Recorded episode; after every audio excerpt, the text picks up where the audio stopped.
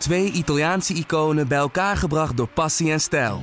Peroni Nastro Azzurro 0.0 is de trotse nieuwe teampartner van Scuderia Ferrari. Doe mee met ons en de meest gepassioneerde fans op het circuit, de Tifosi.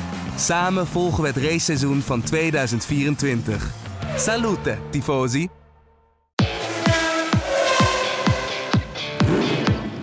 Dit is de Formule 1-podcast van De Telegraaf. Erik van Haren en Christian Albers praten hierbij over het belangrijkste Formule 1-nieuws. Uh, Chris, goed dat je er weer bent. Uh, we hebben elkaar dit weekend natuurlijk ook uh, uitgebreid gezien en gesproken. Maar ik heb net jouw gridwalk nog even teruggekeken op uh, Viaplay. Waar, waarvoor mijn complimenten. Kreeg je ook veel complimenten over op, op Twitter. Maar er zit me toch iets dwars. Want ik heb eigenlijk niet... ik zit de hele ochtend al mee in mijn maag. Ben jij een One, ben jij een One Direction fan of... Ja, dat weet je, omdat ik het aan je vroeg ook. Nee, op een gegeven moment uh, kregen we dus vanaf de, uh, vanaf de ehm, televisiekant natuurlijk, dan willen we natuurlijk op de grid natuurlijk zoveel mogelijk mensen spreken en aanspreken en, zoveel mogelijk informatie natuurlijk uh, krijgen. Maar ja, iedereen wil ook, we weten natuurlijk wat van artiesten er allemaal zijn en wat van allemaal bekende mensen, dat soort dingen allemaal. Dus daar ben je natuurlijk hard naar op, zoek, op zoek. door die paddock natuurlijk aan het, aan, het, aan het palligen, weet je, waggelen. Dat gaat zo maar door allemaal. En dan word je op een gegeven moment helemaal moedeloos van. Maar toen zat ik bij Mercedes. Bij, uh, toen zat ik boven bij uh, Toto Wolf. En denk je, wat? Hey, daar zag ik iemand binnenkomen lopen. Weet je wie? Nou. Dat was jij. Oh. jij zo naast me.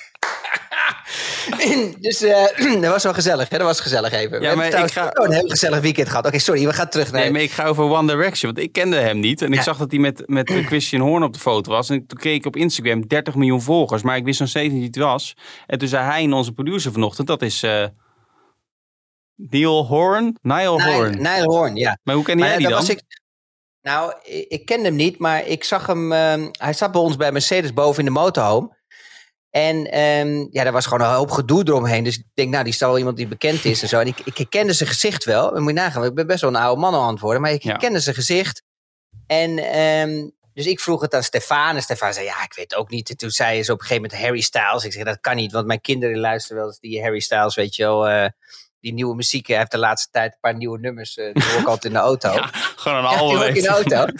dat is niet normaal. Nee, dat is niet normaal. Maar de, dus dat gebeurt. dus op een gegeven moment kwam ik in één keer op die boysband. Ik zeg, hij zit in zo'n boyband. Noem eens een naam. Dus ik kwam mezelf op One Direction. Nou, en, en de, toen eindelijk kwam het natuurlijk allemaal overal binnen. Ja, maar jij tikte hem aan. Uh, en toen kwam die, uh, ja, als een soort producer, was je daar alweer op jacht naar de ja. volgende. En met Alesi. This is the best team colleague I ever had in my life with DTM. Yeah, Sean, how are you today? We had a very good time. I'm very happy to be here. Um, we have a, a lot of uh, audience. It's uh, almost like uh, Holland, but it's nice. Ja, met uh, Toto nog even. Dus Toto was op ja, onze hand dit weekend. Dus je was een ja. goede bui. Nou ja, en zeker nadat wij natuurlijk de jaren daarvoor toch behoorlijk uh, de stoelpoten onder zijn stoel weggezaagd hebben natuurlijk. Met, ja. uh, met van alles. Maar hij was uh, buitengewoon vriendelijk tegen me. Ja, maar ik wil nog één ding, want ik, ik kreeg dat nog doorgestuurd. Want ik vond dat je er ook goed uitzag. Met name je, je huid en zo. Maar ik, ik kreeg dus door, moet je, moet je eens opletten. Als sportman en publieke persoon die waarde hecht aan lichamelijke en uiterlijke verzorging... mag Christian Albers met recht getypeerd worden als metroman de Christian Albers skincare line, lijn. Ja, die had ik vroeger gehad, joh. ja. niet normaal. Bestaat, sponsor, heb je daar nog wat flesjes van liggen? Of wat? Niet, maar ik, mijn gezicht, het positieve, gelukkig nog het enige wat ik nog een beetje hou vast heb, is dat mijn gezicht nog altijd nog wel. Nou, trouwens, dat is niet waar, trouwens. Dat vind ik er arrogant komen. Dus dat, dat, maar in ieder geval, het valt me mee. Maar je, als je zo lang in je leven getraind hebt, weet je wel, 17 of 18 jaar alles gegeven voor de sport, ja, dan wil je gewoon echt niet meer sporten. Ja, ik, ik, kan het gewoon echt niet meer opbrengen. Ik, moet het echt wel doen, want het is wel veel gezonder voor mijn lichaam, maar ik vind die koekjes allemaal zo lekker hier samen. Ja. En, zo. en die ijsjes bij Mercedes? Ja. de ene rookt, de ander doet andere ja. dingen, de andere doet dit. Maar, maar Jos Verstappen gaf jou nog een tip om baantjes te gaan zwemmen. ja, met z'n tweeën. Ja. Maar dan ben je hem in de slipstream. Ja. Dat was ook gezellig trouwens. Ja. We hebben toch even een beetje bijgekletst met hem op zaterdag. Jij, ik en, uh, en Jos. Jos had, uh, was in een goede bui, hè? Ja, Jos is ik zei trouwens dat ik hem aan zou pakken in de podcast. Maar zullen we het maar niet doen dan? Nee, ik zou niet weten waarom. Zullen we hem gewoon... Ja, dan pakt hij me de volgende keer natuurlijk. En gelijk ik echt een sigaar. Ehm, zo is het. ja, goed. Wat vond je van... eh, we gaan naar de race toe. De, de start. Leclerc die ehm, Verstappen in ieder geval achter zich houdt. Maar dan zien we ook gelijk weer Hamilton die, eh, die Perez pakt. We zien Alonso weer een paar eh, plekken, plekken winnen. Dus eigenlijk een beetje wat we wel vaker zien, toch? Ja, maar het was, het was. Nou, als ik terugkijk naar Silverstone, was natuurlijk eh, Max natuurlijk verrassend snel weg. Hij was natuurlijk ook eh, eh, volgens mij op een ander compound, hè, dat ze meer risico durfden te nemen. Maar meestal is die start altijd van die Red Bull erg goed. Dus ik had nog een klein lichtpuntje. Dat ik dacht van, nou, Max zou nog wel eens kunnen pakken bij de start. Maar die Ferraris waren goed weg. Maar wat me toch wel de laatste race opvalt, is dat die Mercedes ook zo goed wegkomt, weet je wel, bij de start. Ik bedoel, je zag dat Lewis Hamilton eigenlijk gewoon. Als ik Lewis was geweest, had ik hem, had ik hem naast eh, Max gepland, eh, de eerste bocht. Want, eh, maar hij durfde niet door te zetten. En ik denk ook eigenlijk dat dat ook weer de gedachte is van een zevenvoudig wereldkampioen. Dat hij weet natuurlijk dat die Red Bull in die sector 2 zo snel is met die rechte stukken. Dat hij dacht van ja, als ik daar nou mee ga vechten, weet je, dan heb ik alleen maar meer problemen met mezelf. Weet je, dan zit ik mezelf in de weg. Eh, en dan hou ik mezelf op. Dus hij, hij, hij, hij, hij trok zichzelf een beetje terug als het ware. En liet eh, Max, eh, Max remde ook een stuk later, om heel eerlijk te zijn. liet toch Max een beetje voor. Ja, dan krijg je op een gegeven moment die Alonso. Hè? Jezus, wat een. Ah, dat is toch een mooie keel als je dat toch ziet, hè? Met die start en zo. Hij, hij ging ook helemaal buiten het circuit. Want op een gegeven moment wou hij gewoon die vaart houden. Ik weet niet of je het gezien hebt bij de start. En dan bocht 2, dat hij dan ook zo er voorbij gaat, weet je. Dat hij ook die andere lijn pakt. En dat doet hij ook heel slim. Want daardoor heb je ook gewoon eh, vol neerwaartse druk. Hè? Want je rijdt in de, in de schone lucht. Eh, die anderen, eh, die, die moeten dus nemen de binnenkant. En die zijn eigenlijk als het ware in een soort treintje. Hè? Dus je kan ook niet dooraccelereren. Je moet dus als het ware volgen. Je kan er niet voorbij. Dus dat deed hij heel erg slim. Ja, en als je dan gaat kijken eh, naar al die upgrades van ehm, eh, die McLaren had. En hoe goed ze deden in de qualifying. Hè, heeft Alonso natuurlijk gewoon fantastisch gedaan natuurlijk. En de- het meeste heeft hij eh, voordeel gehad natuurlijk met de start. Ja, ik zat ook gisteren even bij de... Sorry daarvoor, bij de concurrentie, ehm, bij de F1 Nation podcast. En toen kwam ook nog even iemand van Alpine langs. Die zei ook van dat ze Alonso nog steeds... Dat meen je niet. Wat? Dat meen je niet. Ja, Dat jij in een andere is podcast? dit nou even amateurtoneel? Daar heb ik jou gewoon over verteld. Ja, maar daar ga ik nu iets over zeggen. Ik wil wel eens kijken in dat contract voor jou. Volgens mij mag je dat helemaal niet doen. Oké.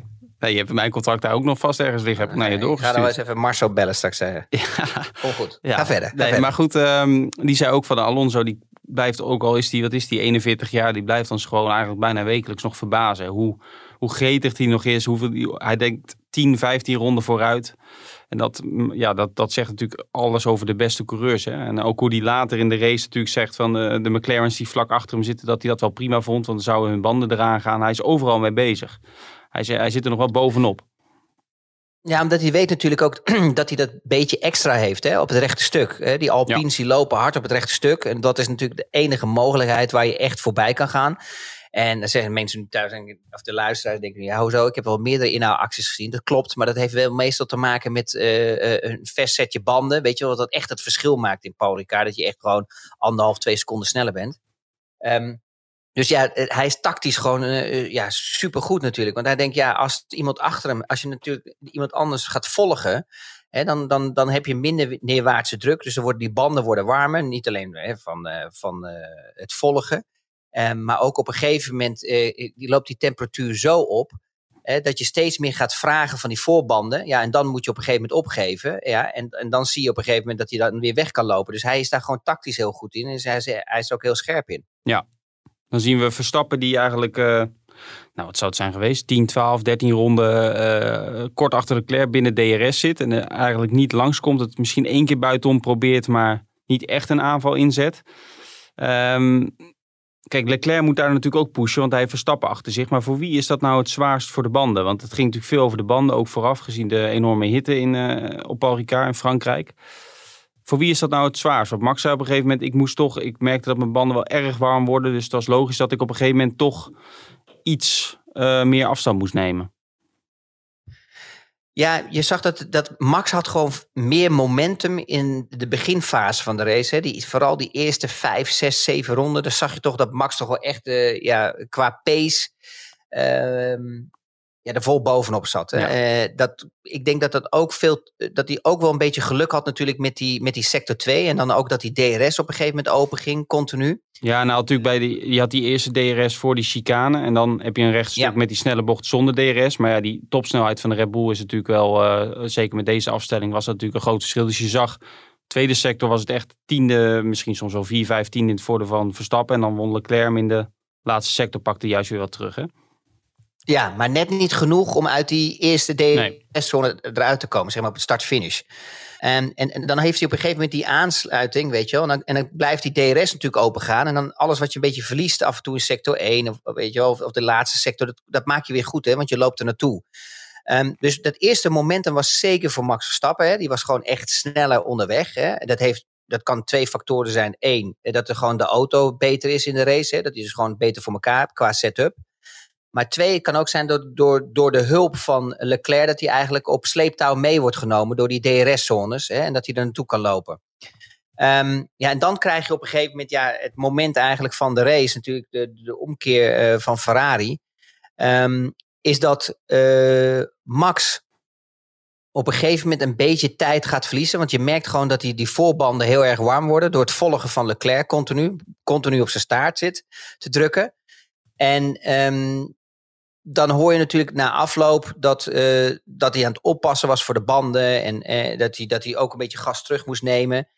Maar als ik de race analyseer, zie ik toch echt heel duidelijk dat als op een gegeven moment doorgegeven wordt door Red Bull dat er een pitstop aankomt, dan, dan geef je alles. Dan moet je pushen, want je wilt zoveel mogelijk tij- tijd goed maken eh, om die pitstraat in te rijden, een nieuwe set. En dan wil je je outlap ook zo goed mogelijk, want dat is de undercut.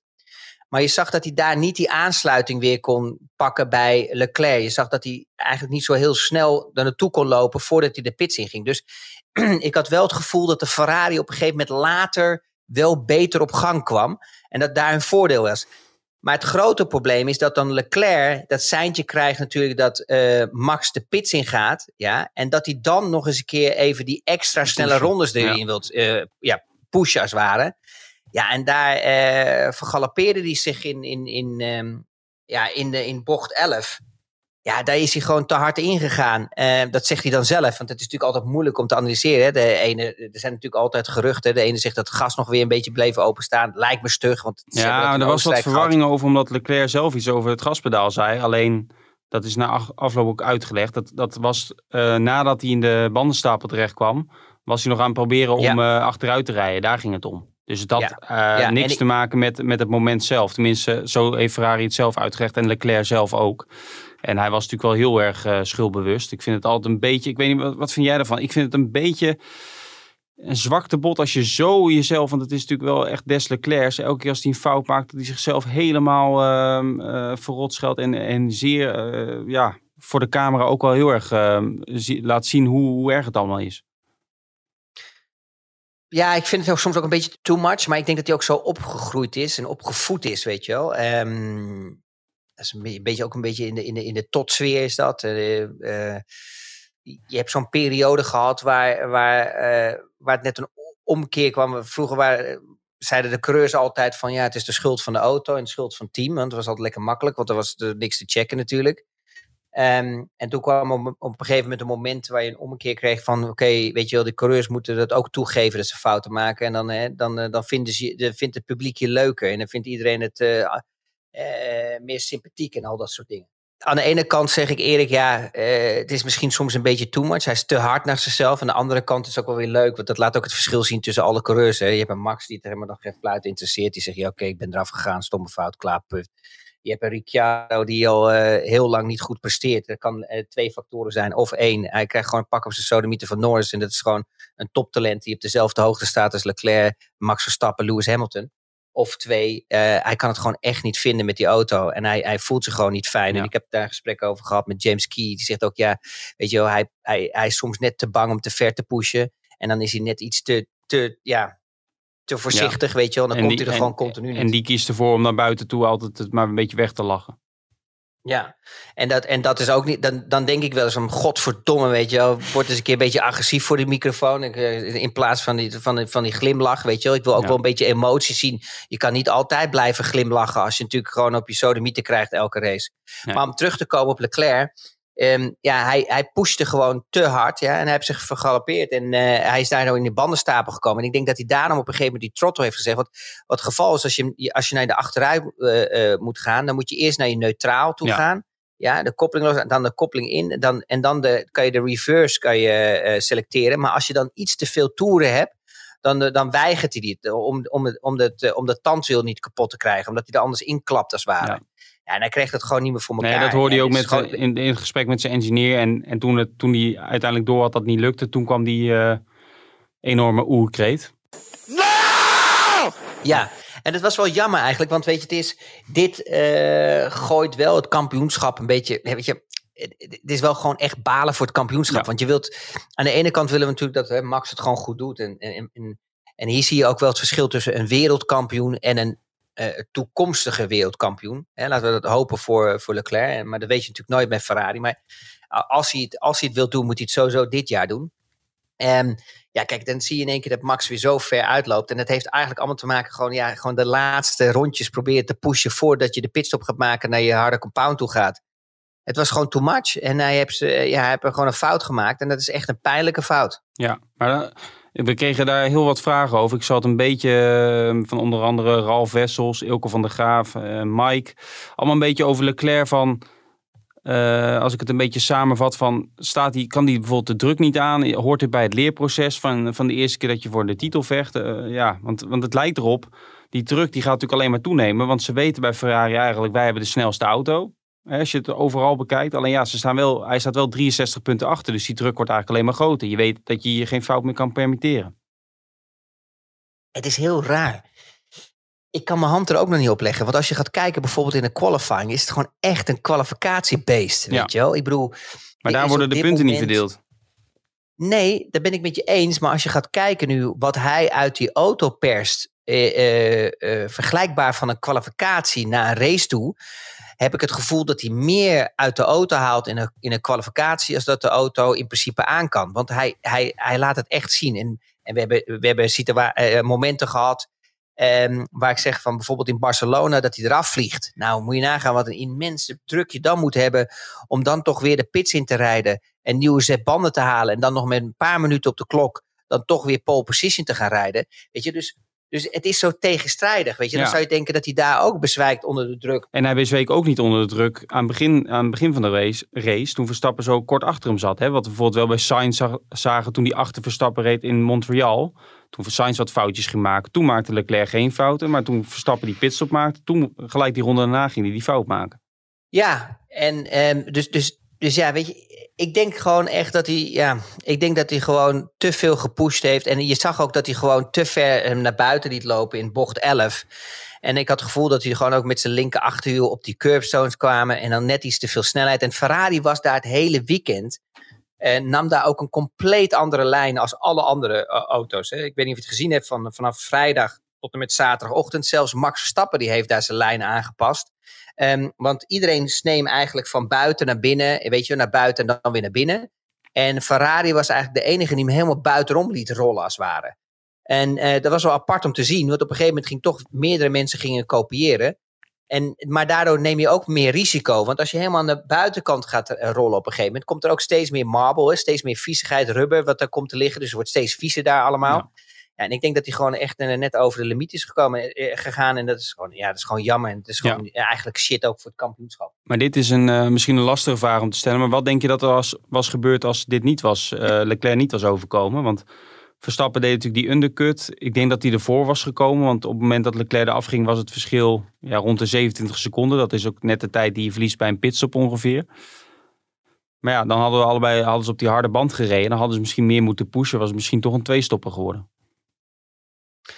Ja, maar dat is, dat is altijd zo moeilijk, weet je. Want er zijn zoveel scenario's. Um, kijk, op een gegeven moment, um, uh, toen ik ook op de grid liep, ik, ik, sprak ook met GP en met Bono. En, en ik vroeg ook eigenlijk, weet je wel, wat ze strategie ze hebben. Nou, het was net, het was net in een bubbel als het ware, van een, een, van een, van een eenstopper en een tweestopper. Hè. Daar zaten ze net tussenin. Ja. Dus het was meer ook uh, strategiewijs, waar ze, waar ze moesten gaan kijken ook van oké, hoe houden die banden het, weet je wel? Uh, kunnen we verlengen? Kunnen we in één stoppen? Gaan we naar twee? Dat is, dat is echt afwachten in de situatie in de race, wat er gebeurt. Um, maar ik denk dat Ferrari dan toch uh, langer doorgereden had. Om te kijken waar die drop is. En ik denk dat ze dan eigenlijk dezelfde tactiek zouden hebben. zoals ze eh, deden eigenlijk in Oostenrijk. Weet je wel? Om dat dan toch nog langer door te rijden. Dat, die, dat eh, Charles een, een iets eh, versere set heeft.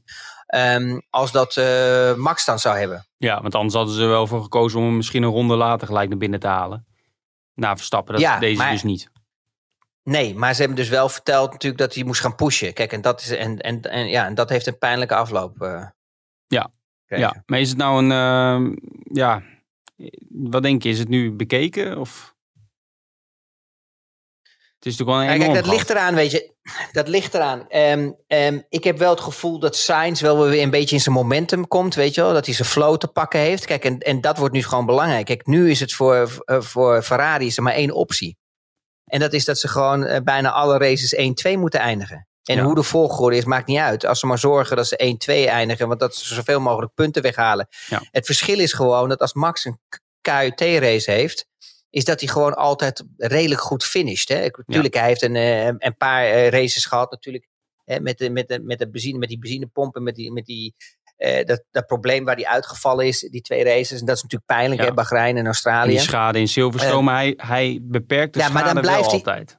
Juist, maar dan heb je dus, dan heeft Ferrari dan nog eens een keer de bad luck natuurlijk, dat Leclerc natuurlijk ook nog eens een keer Ja. op zijn sodomieten krijgt, waardoor hij dus slecht finish. Ja. Dus eigenlijk elke keer ehm, is dat mo- momentum waar eh, Verstappen ja, toch gewoon continu constant is, weet je wel. En, en, en blijft vechten door die race uit te rijden. En dat heeft Leclerc ook, maar Verstappen heeft het toch op dat moment ja, toch beter altijd voor elkaar. Ja, Verstappen Hè, is het- eigenlijk het- op, niet op een foutje te betrappen. Leclerc heeft nu denk ik twee fouten gemaakt. eh, hier dan en in Imola. Eh, nou, hij zei zelf dat zijn dan 32 punten. Maar ja, hij staat er 63 achter. Dus je bent ook nog 31 kwijt. Of nog meer eh, misschien door, door die uitvalbeurten. Ik zag net ook een sta- statistiek bijvoorbeeld. Ferrari is het team met de minste rondjes dit seizoen. Dus dat betekent dat ze het meest zijn uitgevallen. De twee coureurs Ja. gecombineerd. Dat is natuurlijk heel pijnlijk. En wat je ook echt duidelijk ziet, en dat is denk ik de belangrijkste factor dit seizoen, is gewoon die strategie van Red Bull. Weet je, die zitten er gewoon bovenop. En, je, en dan heb je een beetje die chaos bij Ferrari. Ja. Ondanks dat ze heel cool door de radio zijn. Maar, trouwens, niet Nou. met de coureurs natuurlijk, maar dan zijn ze nog een beetje aan het schreeuwen. Maar, maar, maar intern bedoel ik. Oké. dus eh, als je het ziet bijvoorbeeld in de pitbox en zo, zijn ze redelijk oké en rustig.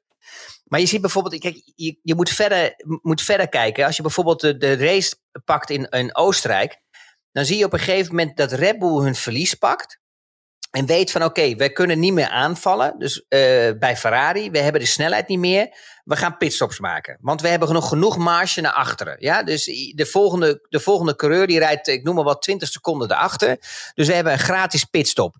Waarom doen ze dat? Om te zorgen natuurlijk dat, dat, dat, ze, dat Max weer een nieuw setje banden heeft. En wat het allerbelangrijkste is, als er een situatie eh, komt, waar bijvoorbeeld weer een safety car komt, hè, bijvoorbeeld met een crash, dan staat Max, net zoals bijvoorbeeld in Abu Dhabi of andere races, weer op een verse set banden. En dan hoeft hij pitstop niet meer te maken. En dat, dat brengt op een gegeven moment zijn voordeel weer om te gaan vechten voor positie. Nou, dat is gewoon heel ver vooruitdenken. En dat zie je daar bij Ferrari, dat ze dat nog niet onder controle hebben. En hetzelfde is eigenlijk precies hetzelfde ook bij, bij Mercedes. Ja, sorry, weet je, Ferrari schept heel erg op dat ze de beste coureurs hebben. Maar ehm Sainz, superveel fouten gemaakt begin van het seizoen. Eh, Leclerc, toch nu al twee fouten gemaakt. Eh, veel ook pech en zo gehad. Hè? Natuurlijk mechanisch, eh, motorisch, ga zo maar door. Maar uh, die combinatie van alles bij elkaar, dat is, dat is zo'n pijnlijk dossier. En als je dan gaat kijken naar, naar Mercedes, heeft het niet voor elkaar met de auto. Maar twee coureurs die continu door blijven vechten tot de laatste ronde. Als je ziet hoeveel punten die bij elkaar Een betrouwbare hebben, auto. Dat is ongelooflijk. Betrouwbare Ja. auto. Ja, betrouwbare auto. Ja, niet snel, maar wel betrouwbaar. Maar continu wel aan het vechten. En het is een auto die ze nog steeds niet voor elkaar hebben in de qualifying. Maar als je in de race gaat kijken, qua pace, zitten ze er veel dichterbij als met qualifying. Dus Ja. ze presteren gewoon heel goed in, in de race. Het grappige van het hele verhaal is, als ik natuurlijk bij Mercedes dan een beetje rondloop en ik vraag het, ze hebben geen flauw idee. En hetzelfde bij Aston Martin. Aston Martin qualifying performance niet voor elkaar. Gewoon, ze, kunnen het gewoon, ze krijgen het gewoon niet onder controle. En als je dan gaat kijken in de race, ja, dan wordt natuurlijk in één keer Lance Stroll, die wordt tiende. Ja. En Sebastian Vettel wordt elfde. Ja, Ja, weet je, en die waren nog aan het vechten. ja, ik stond met, met Mike Craig te spreken. Die zegt, ja, schiet me maar lek. Ik, eh, wij, wij hebben gewoon een betere eh, prestatie in de race. En hetzelfde geldt voor Mercedes als dat we in qualifying hebben. Maar we hebben dit seizoen wel vaker gezegd dat eigenlijk een pijl op te trekken is. Maar ik sprak gisteren Helmoet Marco ook. Die zei na afloop ook ja van tevoren dachten we eigenlijk dat het een twee-stopper zou, twee stopper zou worden, normaal gesproken. En ook dat inhalen wel redelijk makkelijk zou zijn. En beide, ja, beide dingen kwamen niet uit, want toen kwamen Leclerc niet voorbij. Dus zo zie je maar dat je tijdens de race ook dus inderdaad de kwaliteit moet hebben om te kunnen schakelen. En snel te kunnen schakelen. En, en tegelijk, tegelijkertijd rustig te blijven. En dat is denk ik ook het verschil tussen Red Bull en Ferrari. En, en, en, en dat is zo, eh, weet je, die, die grens, weet je wel, dit, dit, dit, dit is echt zo'n cliff hè, waar je op zit, waar je continu moet balanceren. Hè, van wat gaat er gebeuren door, eh, gebeuren door zo'n race? Als je bijvoorbeeld een, een, voorbeeld pakt, zoals, zoals Sainz bijvoorbeeld, die een fantastische race heeft gereden, die ook geknokt heeft uh, voor wat hij waard is. Het is natuurlijk best wel moeilijk in dit circuit. Natuurlijk om gelijk plekken te, te pakken. Want als je gaat starten, ja, je, gelijk die eerste combinatie bocht 1, 2, 3, 4, 5, 6. is niet zo makkelijk, weet je. Het is best wel krap overal. Je hebt niet heel veel ruimte om natuurlijk auto's in te halen. Nou, hij lag de eerste ronde, kwam hij toch door als vijftiende. Heeft zich gigantisch goed naar voren gevochten. Alleen, wat, wat was nou zijn pech in de race? Is natuurlijk dat die safety car te vroeg is gekomen met Leclerc. als die nou gewoon vijf tot tien ronden later was geweest, dan was het natuurlijk ideaal voor hem geweest om natuurlijk een stop te hebben. Maar je wilt natuurlijk ook niet een gratis pitstop wil je weggooien. Dus ja, je moet wel naar binnen. Maar het is natuurlijk te vroeg op het mediumbanden al naar binnen te gaan.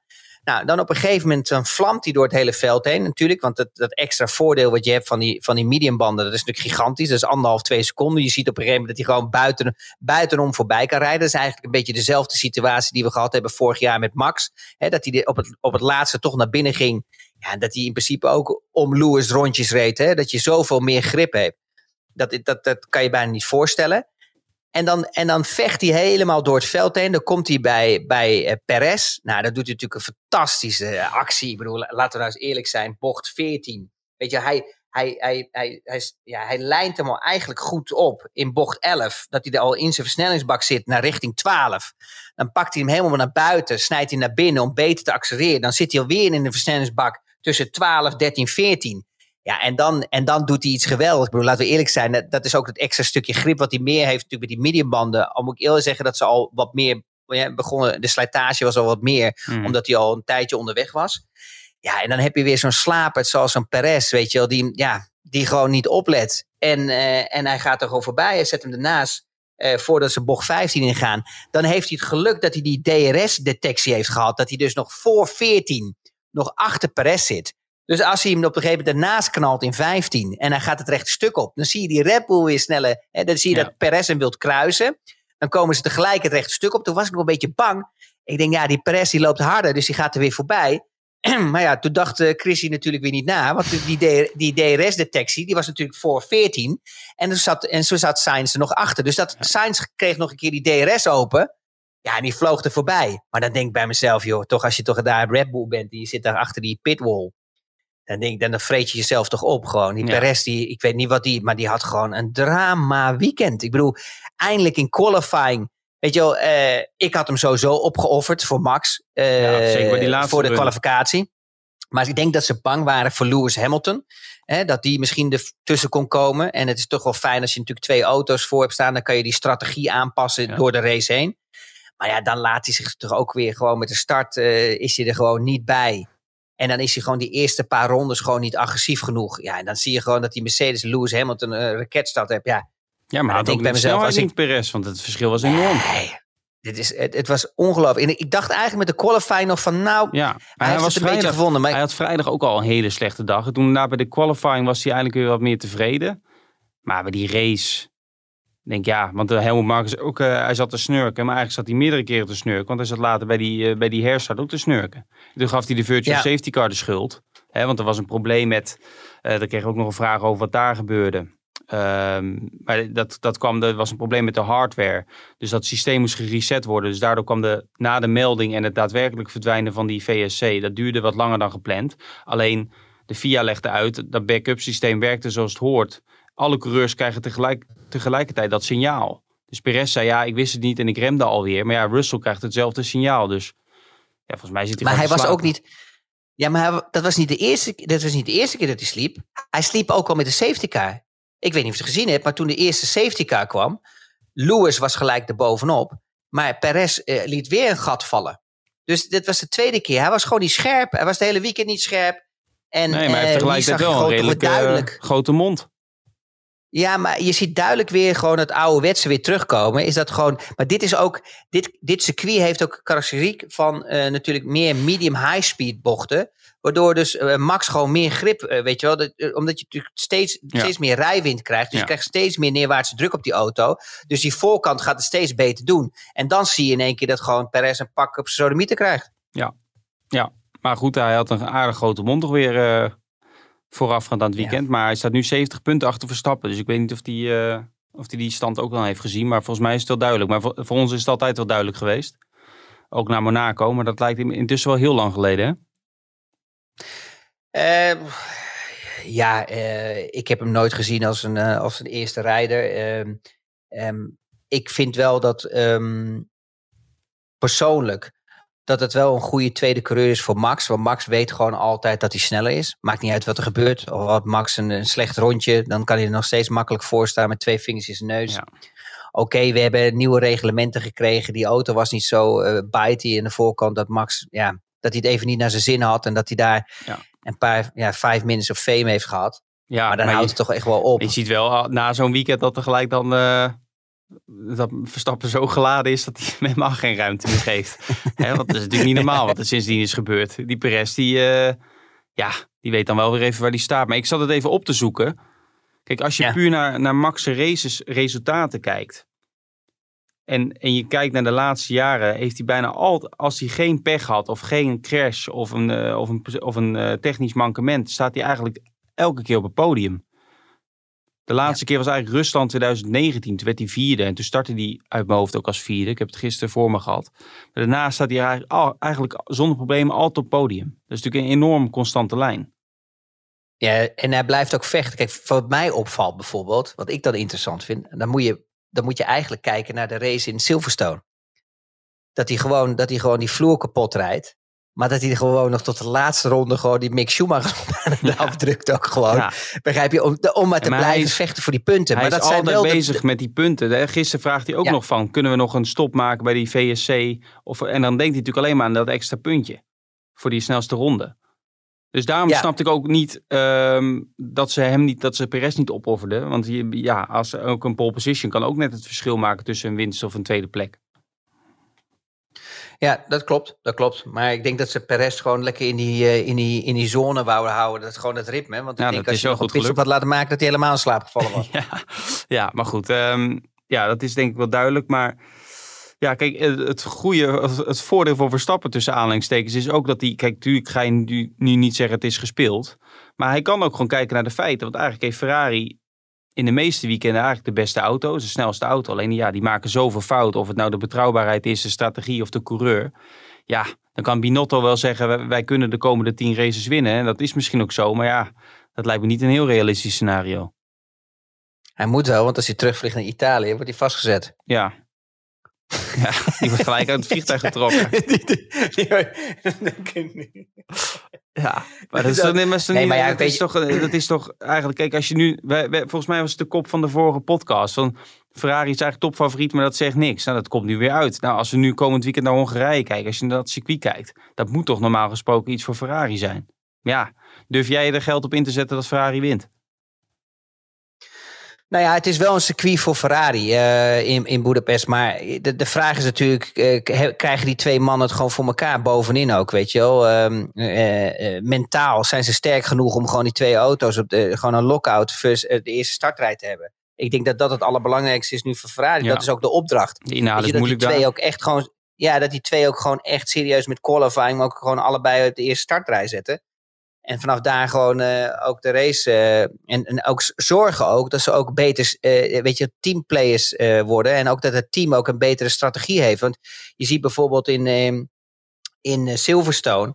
Ja, dat akkefietje met Sainz. Ja, dan kun je wel zeggen, ja, wij hebben geen eerste en de tweede rijden. Maar dat akkefietje met Sainz heeft gewoon Leclerc ook heel veel punten gekost. Hè? En dat is natuurlijk wel gewoon doodzonde. Er zijn meerdere momenten geweest waar ze elkaar konden helpen. Ja, nou ja, maar ook gewoon na de safety car. Weet je wel, al geef je hem even die zeven of die tiende lengtes, die, eh, die autolengtes. Dan, dan geef je net even een Ja. beetje meer lucht om in dat ritme te komen, weet je Ja. wel. hij gaf En- nu en- natuurlijk wel en- die toe in de kwalificatie. Maar ja, nu was het niet zo moeilijk. Want uh, Sainz is toch wel dat hij achteraan zou starten. Ja, eh, ja, weet je, is dat nou iets terugdoen? Ja, er was ge- maar kijk, als je terug gaat komen, kijk, er komen gewoon een paar circuits aan, wat gewoon weer heel goed voor de Red Bull is. Hè? Als je kijkt Ja. naar eh, België, Spa-Francorchamps, eh, Nederland eh, is nou eigenlijk ook een baantje voor de Ferrari. Maar ja, maar Monza. Max voelt, ma- hopelijk dat Max, weet je, met al die fans en al dat soort dingen, dat hij dat, dat kleine beetje extra krijgt om, die, om, om, om misschien wel pole te zetten en de race te kunnen winnen. Maar ja, Italië, Monza, nou, net wat jij zegt, ja, weet je, dat zijn races bijvoorbeeld, dat, dat is echt voor de Red Bull weggelegd. Ja, en dat, dat, dat, dat wordt wel even. De races waar ze het moesten doen, Erik, hebben ze het niet gedaan. Ferrari. Ja. Ja. Ja, nee, dat is duidelijk, ja. Maar goed, kijk, dat, dat Verstappen kan wel... Daar is nog niet helemaal tevreden over die auto. Zeker niet op zaterdag. Dus hij kan wel blijven pushen. Die auto moet ook nog een stuk lichter worden. Dat zijn natuurlijk allemaal dingen die... Het is ook niet dat Red Bull nu, nu achterover kan leunen. Dus dat is eigenlijk het voordeel in die situatie. Want zij weten ook wel dat het nog beter moet.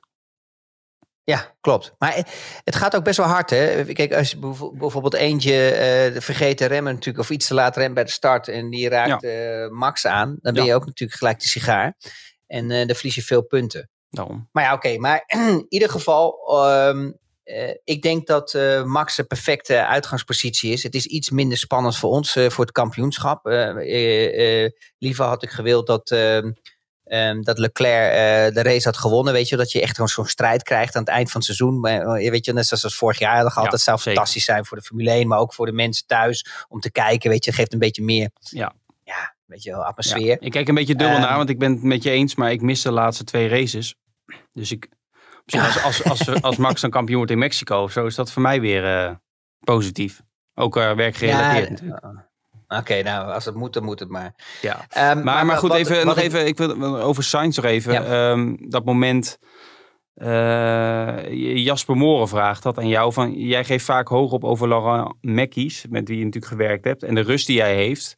Eh, maar wanneer zien we dat terug bij het team? Want je ziet nu bij de engineers dat het zoveel stress en paniek is. Hè? Als je ook met Sainz, met die, dat die engineer zegt met die straf van vijf seconden. Dat hij zegt stop en go, dat Sainz hem moet corrigeren. En ook met dat ja, gelul over de radio terwijl die net aan het vechten is met Perez. Dat komt allemaal een beetje amateuristisch over.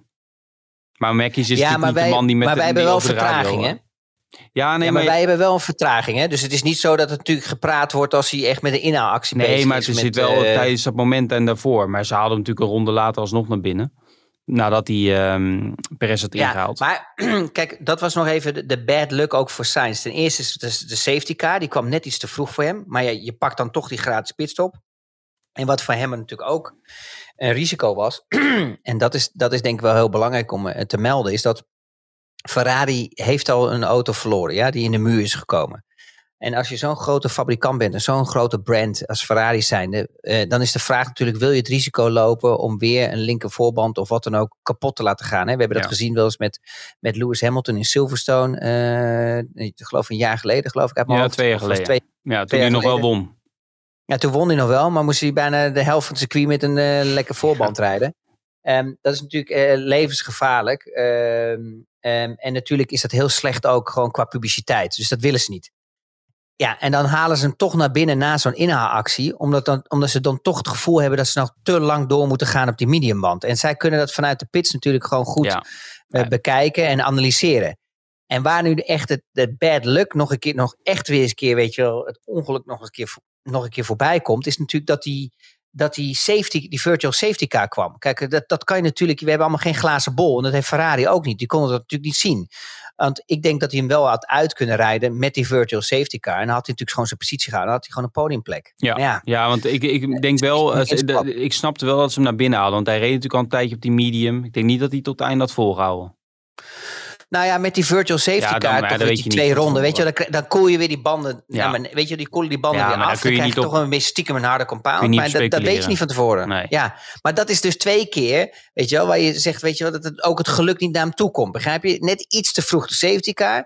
En dan nog eens een keer, ehm, en dan nog eens een keer natuurlijk ook op het einde die virtual safety car. Als dat natuurlijk wisten, dan, dan had hij natuurlijk op die medium uit kunnen rijden. Ja, nou, en Verstappen was... eh, ja, die kon eigenlijk managen. Hè, want het verschil met Hamilton was natuurlijk gewoon groot. Je zag telkens als eh, Hamilton een beetje ging pushen... Dat, eh, dat hij bijvoorbeeld in de eerste sector paars was. Dat Max gelijk reageerde en de tweede sector weer paars was. Dus ja, Hij kon hem gewoon naar huis rijden. En hij zei ook, ik kon wel managen, want je verloor zoveel tijd bij een pitstop daar. Hè? 27, 28 seconden.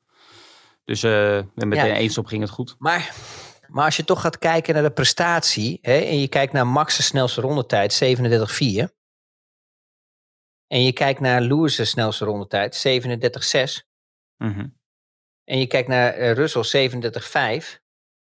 Ja, dan zie je toch wel, en, je- en je kijkt dan naar Perez, 37,7. Dan zie je gewoon dat ook gewoon Perez gewoon echt, eh, gewoon echt tekort komt, weet Ja. je wel, in zo'n race. En je ziet dat hij gewoon niet in het ritme is zoals dat Max het is. Maar dan zie je toch wel dat die Mercedes'en gewoon echt constant zijn. En dat ze echt hun, hun, eh, echt hun snelheid krijgen door de race Ja, heen. gedurende, want aan het begin hebben ze vaak het nog niet. Het lijkt alsof ze die banden toch wat eh, moeilijker op temperatuur krijgen of zo. Want op een gegeven moment, inderdaad, dat zag je ook in Montreal bijvoorbeeld.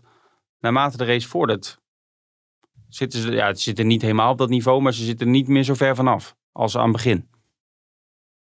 Nee, maar had ik wel het gevoel dat ze met qualifying niet, niet een fantastisch weekend, niet, niet een fantastische qualifying hadden. Ze hadden het niet echt heel erg goed voor elkaar. En ze hadden meer verwacht, omdat ze toch wel met de upgrades zijn gekomen. Ja, En eh, daar kwam toch minder uit dan dat, we, dat, dat ze verwacht hadden. Dus daar waren ze een beetje teleurgesteld in. Maar dan zie je toch in de race dat ze goed voor elkaar. Maar, maar echt, wat, wat mij het meeste opviel was gewoon Alonso, weet je wel. Die Alpine, die had het toch niet zo, die heeft het niet voor elkaar in de qualifying. Dan krijgen ze het ook niet eh, onder controle.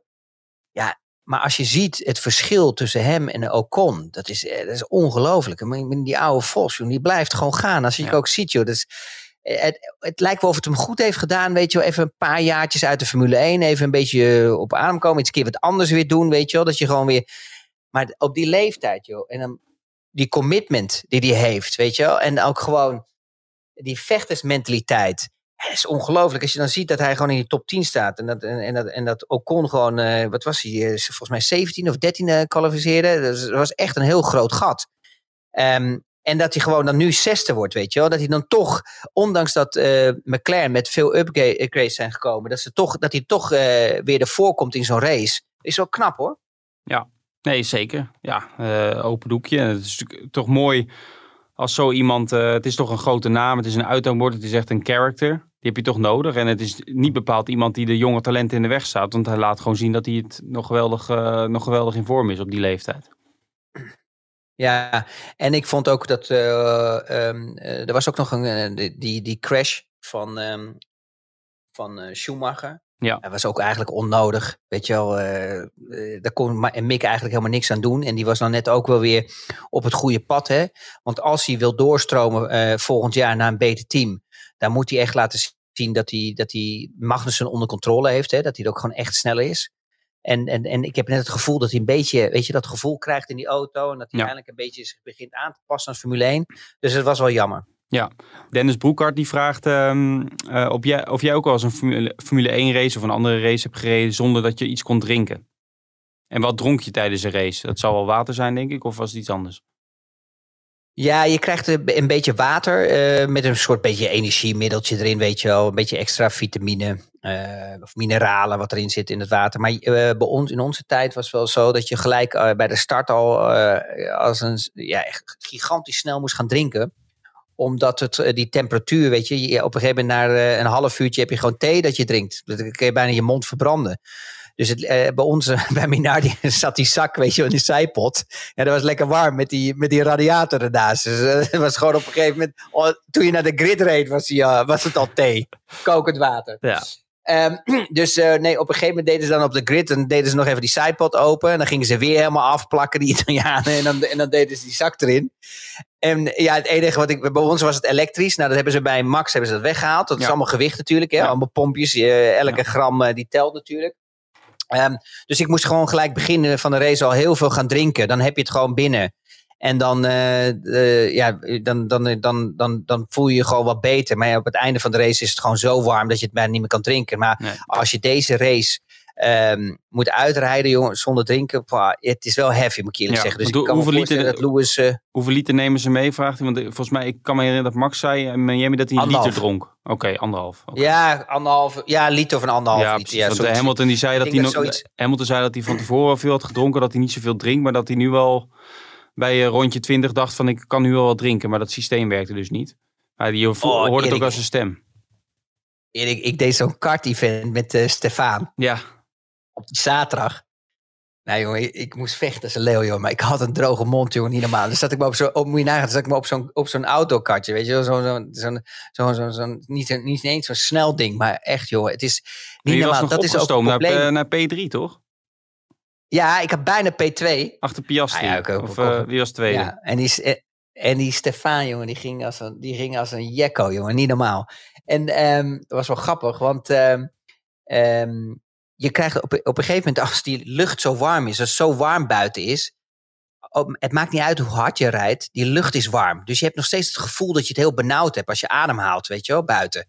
En dat is het voordeel als je bij andere circuits rijdt, weet je wat, 20 graden is 21 graden. Als je dan heel hard rijdt, heb je heel veel koude lucht. Dus dan Ja. heb je genoeg Weet je, wel, heb je het gevoel dat je genoeg lucht hebt, weet je wel, in je, in je, in je longen, weet je wel, overal. Dat je, je lichaam is gewoon wat fitter. En ik kan me dat nog wel herinneren toen ik eh, Formule 1 reed, dat ik in Maleisië reed, weet je, reed ik bijna met mijn versier gewoon eh, eh, ja, 15% open.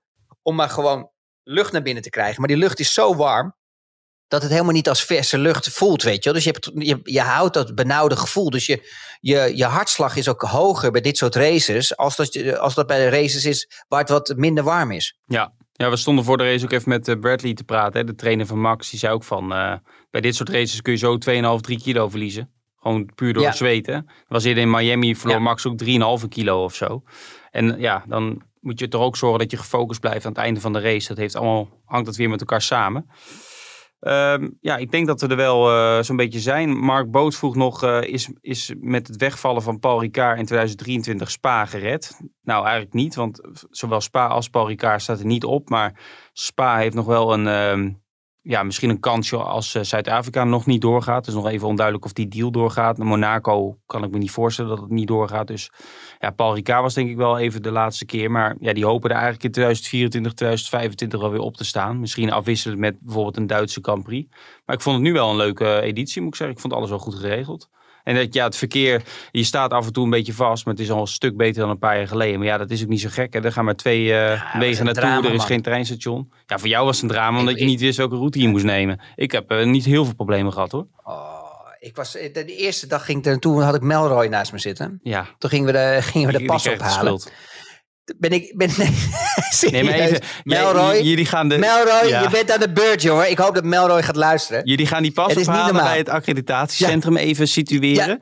Dat accreditatiecentrum, En dan 10 me- dat staat 10 meter verderop, begint de F1-lane voor de media en de VIP's en zo. De, de lane die je eigenlijk moet pakken. Wat doen de heren? Die, die keren om en die rijden terug naar de weg waar het, iedereen, al het andere verkeer overheen gaat. En wie wordt er dan gebeld? De verslaggever van de Telegraaf hoe ze moeten rijden. Viaplay heeft 180 mensen op het circuit en, degene, en ik ben in mijn eentje en ik moet het dan weer oplossen voor je. Jij bent- gewoon een professional, Erik. Dat Dat, is ongelooflijk. Dus wat dit, is, dit is toch niet normaal? Dus ik zit in die auto. Gelukkig heb ik airconditioning. Dat, dat, ik, dat kon er nog net vanaf van die auto. Anders was je die auto niet uitgekomen. Dan had je hem Ja, helemaal is- vastgeplakt. Dat is niet normaal. Dus op een gegeven moment zegt, zit hij naast me, Melroy. Ik zeg, waar gaan we naartoe? Ja, linksaf. Maar ik ben natuurlijk nog nooit van die kant gekomen in mijn leven. Want ja, Je kan met de eh, als, je, als je race, in de goede oude tijd nog voor mij, dan zit je dus in dat luxe hotel aan de overkant Ja. van het circuit. En dat is, dat is, daar gaat een wereld voor je open. Dat is zo'n mooi hotel. Dat is echt niet normaal. Wat dingen, allemaal huisjes en een beetje golf en alles. Dat is fantastisch. Eh, ik ben een jaloers weer op die coureurs allemaal. Ik zei, dat, trouwens, ik, moet- het is een goed idee eigenlijk. om eens een keer met het gezin weer een keer naartoe te gaan. Ja, Maar wat gebeurt er? Je weet net wat jij vertelt. 20 meter verderop is dus dat kruispuntje. Maar daar staat het vast om natuurlijk op die Formule 1 lane te komen. Dan laat hij me dus helemaal terugrijden. Staan we dus gewoon op de normale route waar iedereen allemaal naar de tribunes gaat. Ja? Staan we in de file zo lang. Dat is op een gegeven moment. Ik denk, dit klopt niet, joh. Dit klopt niet. Dus ik denk, nou, dan bel ik jou gewoon. Mijn echte vriend, weet je wel. Die laat me niet zitten. Dus we hebben eh, met z'n tweeën, nou, ik moet je eerlijk zeggen, jij bent een goede navigator. Ik bedoel, we hebben met Jos gesproken over rally trouwens, by the way. Maar als ik ga rally rijden, dat ga ik nooit doen. Maar dan weet ik in ieder geval wie mijn, wie mijn navigator nou, ik denk niet dat ik dat ga doen. Om meerdere redenen. Weet je wel, dat is, maar ik weet nu hoe ik moet rijden. Dus het, eh, je gaat Ja. op de D3, of eh, D2 ga je naar D3 geloof ik, correct? Je weet en dan nu- bij de rotonde rechts. je weet nu je. na de voorlopig laatste Grand Prix van Frankrijk hoe je naar het circuit moet rijden. Ja. Dus dat is top. Ja, want ik sprak nog even tijd. met Stefano Dominicali. Ja. Maar Frankrijk komt even voorlopig even niet meer Nee, terug dat weet ik. Maar ja, dat hebben we een tijdje geleden al eh, gemeld. Ik denk niet dat heel veel mensen daar overigens rouwig om zijn. Maar ehm, je hoort het vooral, het gaat vooral over Spa en bijna niemand heeft het over Paul Ricard. Alhoewel, jij vond het wel een leuk circuit. Als een van de weinigen. Nou, ja, ik weet niet of ik een van de weinigen ben. Maar ik vind, ik, vond, ik heb daar heel veel getest toen de tijd toen we met Toyota motoren hadden. En ik vind het een leuk circuit, moet ik eerlijk zeggen. Ik vind, ik, het is een tactisch circuit. Je zit echt wel lekker in die flow. Er zitten wel een mooie bochten in, mooie doordraais. Ja, Het is jammer van die lijnen. Van die lijn van die, eh, dat, dat, dat maakt voor de tv-kijker niet leuk. Minder leuk. Het was in het begin vond iedereen het helemaal stoer en gewaagd en zo, dat soort dingen allemaal. En, eh, maar, maar ze hadden, dus ik denk dat qua investering het ideaal was, want je hoeft niet zo heel veel te investeren in grimbak en nog verder, weet je wel, uitloopzones. Dus op dat opzicht doen ze het, eh, was het wel knap voor in die tijd, hè, eh, toen ze dat eh, circuit helemaal nieuw gemaakt hadden. Maar het ziet er wel fris uit, het ziet er mooi uit, het ziet er nieuw uit. Ik bedoel, eh, het circuit is er nu al, denk ik, hoe, hoe lang al, Erik? Ik denk al een jaartje of eh, vanaf kalender. 2005, denk ik. Op de kalender. 2004? Nee, maar ik bedoel dat het nieuw aangelegd was. 2004. Zo Moet je cool. nagaan. Dat, dat, bijna 18 jaar. En het circuit ziet er gewoon nog gewoon uit. Of dat het eh, vorig jaar is neergezet. Vind je dat niet? Ik vind het echt gewoon een, een mooi circuit. Even Faciliteiten overal eromheen. eh pitboxen zien er fantastisch uit.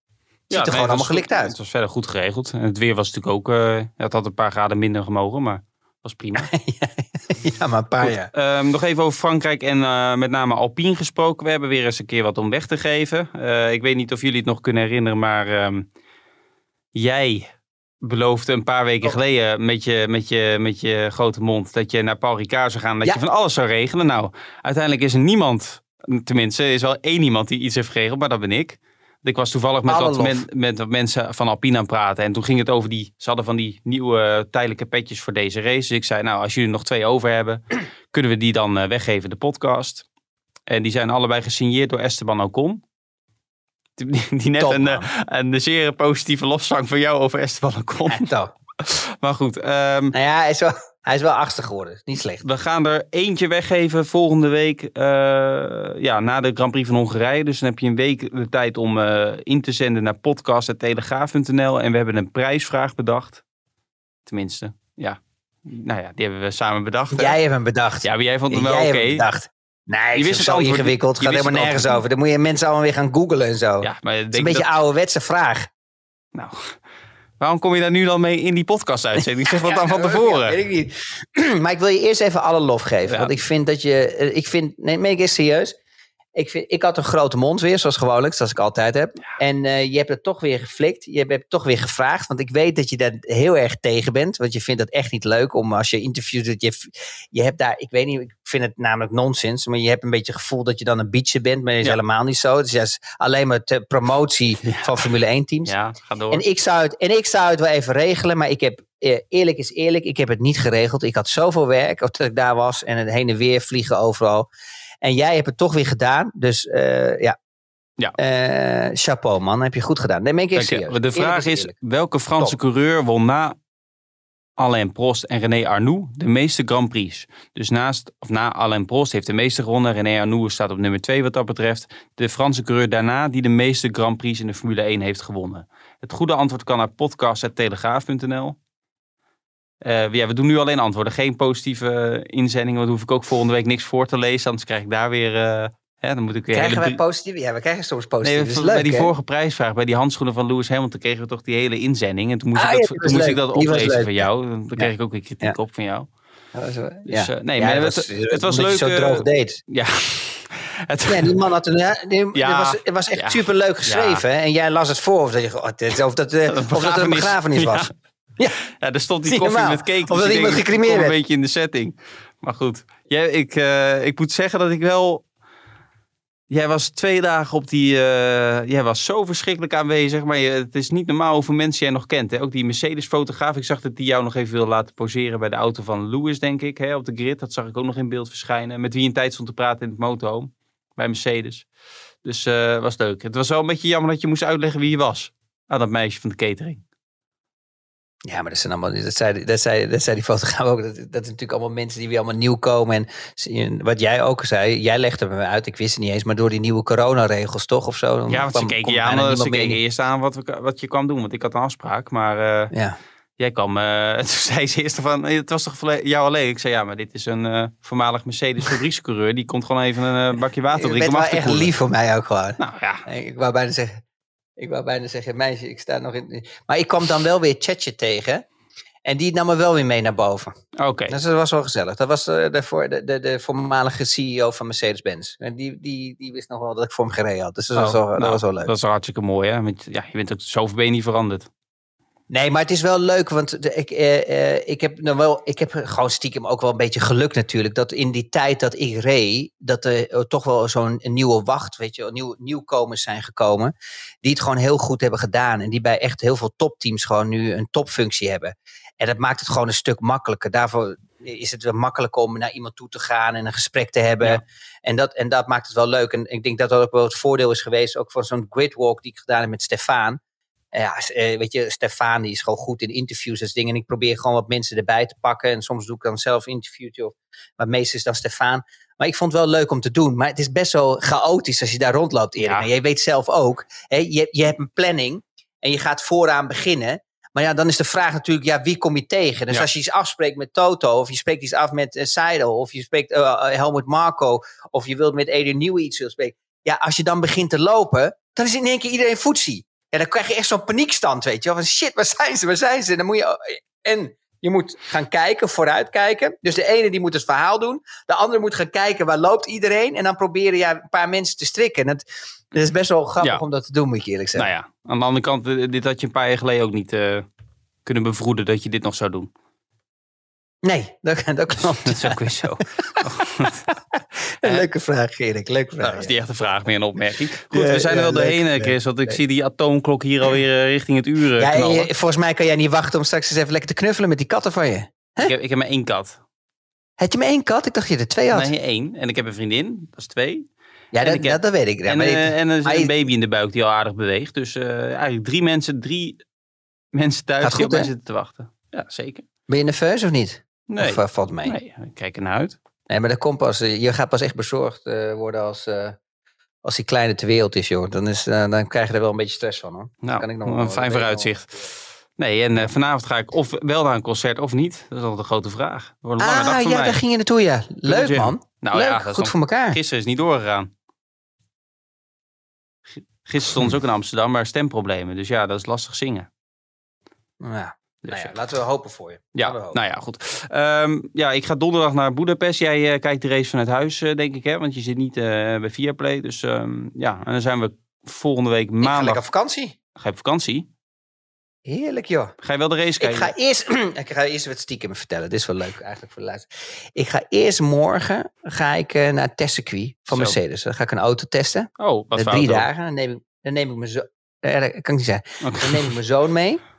Ja, Neem mijn zoon mee. Dat vind ik wel leuk, want die, die, die wordt 13 ook in augustus. Dus het is wel leuk om eens een keer af en toe wat mee te nemen naar dat soort eh, evenementen. Dus die wordt steeds ietsje ouder. En eh, begint nu hopelijk een beetje interesse ervoor te krijgen voor auto's. ja. Ehm, en dan kom ik terug en dan ga ik, eh, ben ik donderdag vrij terug. Dan ga ik, volgens mij gaan we zaterdag op vakantie. En waarheen? Of is dat niet te delen? Nou, maar Griekenland is heel groot, dus de kans is... Oh, oké. Maar wel de race kijken, want en maandag wel podcast. Ja, daar Blijft het heel lang stil. Over hebben. Daar moeten we het toch even over hebben. Dan gaan we kijken Nou, hoe dat gaan vrouw doen. is gewoon fan van deze podcast, toch? Dus dat, dat uurtje moet je toch wel vrij kunnen maken. Op maandagochtend. Ja. nou, Nou, zien, dit wordt gaan vervolgd. Nou, we zijn er volgende week hopelijk met een podcast. Ja, moeten die pet weggeven. Jawel, dus, we eh, we verzinnen. moeten Ja, ja, dat gaan we doen. Nee, Ja. dat gaan we doen. Maar we moeten even ergens wat vinden. Moet, er komt een beetje einde van de dag of zo, maandag. Kom wel goed. Einde van de dag, ja. Ik, ben om, ik, vlieg, ik vlieg om eh, half zes, zes uur alweer terug om die podcast te doen. Dan moet ik de hele dag wachten op jou. S ochtends bedoel je? Ja, ik vlieg weer 's ochtends. Ja, maar dat ben je toch gewend. Want je, jij had altijd die wekker vroeger altijd voor die handdoekjes. Dus nou oké, dus je staat automatisch... Ik word hier zo verschrikkelijk. Ik stuur deze week op Sorry. Twitter stuur ik een foto Sorry. van die beachclub op, de, op dat circuit. En dan krijg ik al een reactie Ja. van iemand die je, je, je handdoekje ligt alweer klaar. Al dat, dat, dat, dat gezeik van jou. Wat is die kerel scherp zeg? Wat Ja, niet. zo grappig. Mij was Wie het- deed dat? Ik weet niet wie het was. Wie deed dat? Ja, ik had, eh, Zie je, die heb je ook nog wel echt, weet je, je hebt niet alleen maar haters in deze wereld. Er zijn ook mensen die toch nog wel de moeite nemen om iets leuks te schrijven. Dat was wel scherp. Dat was Ja. wel grappig. Wie was het? Die, die vind ik echt leuk. niet, ik weet, ik kan het nu niet vinden. Maar, Moest je lachen of niet? Ja, dat wel. Moest je ja. echt Ik heb hem naar jou doorgestuurd, helaas. Maar goed. Heb je eh, hem met doorgestuurd? ja, maar jij, jij reageert nooit op je appjes. Ai, sorry. Nee, dat meen je niet. Die ga ik, Nee, die je ga belt, je belt alleen als je mij nodig hebt voor, voor, om te navigeren. Maar het- Oh, dit is zo. Die, die is zo laag. Die is zo laag. Jij moet echt voor het Amerikaanse leger gaan werken. Hey, Oh. in zo'n stielt. Zo, eh, ja, wat is er? Hein heeft er gevonden. Selma Joosten. Je handdoekje ligt al klaar, zie ik. Stel maar, dat is fantastisch, joh. Fantastisch, leuk. Ja. Heel leuk. Nou, hartstikke leuk. Nou, misschien eh, mag Selma mee naar Griekenland, hoor ik al. Goed, Chris, eh, was gezellig. Nou. Wij zien elkaar, het, het was het hele weekend gezellig. We zien elkaar, nou ja, hopelijk, of we spreken elkaar hopelijk volgende week. Geniet van je testdagen in de Mercedes, dan waar je heel eh, geheimzinnig over doet. Weet je wat mijn domper was van het weekend? Wij zijn, Ja, ik weet dat ben je af wil alweer sluiten, maar dat maakt niet uit. Maar Ja. weet je wat mijn domper was? Nou, nu komt het. Ik, heb dat, ik heb die koekjes niet van je gegeten. Je, had zo'n, je had een foto gestuurd van die koekjes en je in de, in die media, wat is het, de media room? Ja, de, de media delegate van het circuit, eh, Pierre, die Center, ja. vroeger bij de, bij, eh, bij de FIA. En die was de laatste maanden niet echt heel blij met mij, omdat ik een paar keer natuurlijk schreef eh, over de kalender en dat Frankrijk eraf ging. Wat overigens wel klopt. Alleen, goed, hij maakte wat eh snedig opmerkingen naar mij, maar wel op een leuke toon. En toen gaf hij aan het einde even die koekjes. Dus eh, Ja. En die stuurde je door naar mij. En ja, ik ik denk, ben er helemaal op gefocust. koekje ja, ik had, ik had er echt zin in. Want je weet, Ze ik waren erg lekker. Ja, Ja. ik heb ze zelf opgegeten. Jammer. Ja, Ehm, jammer. Goed, bedankt voor het luisteren. wel jammer dat je. Het is nou wel jammer. Weet je, en je weet dat ik gewoon nog twee uurtjes naar huis moest rijden en dan nog niet even aan me denken. Dankjewel. Nou, ik heb er zo aan je gedacht. Jij kwam niet naar mij toe. Ik heb het notabene naar gestuurd. Dus wat, is, wat zeg je nou? Je spreekt Ja, jezelf nou ja, maar- tegen. Eh, volgens mij heb ik je nog gebeld voordat ik wegging zo. Je hebt Nou, niet gezegd, joh, denk er nog even aan. Ik heb hier een zakje. Ja, nou.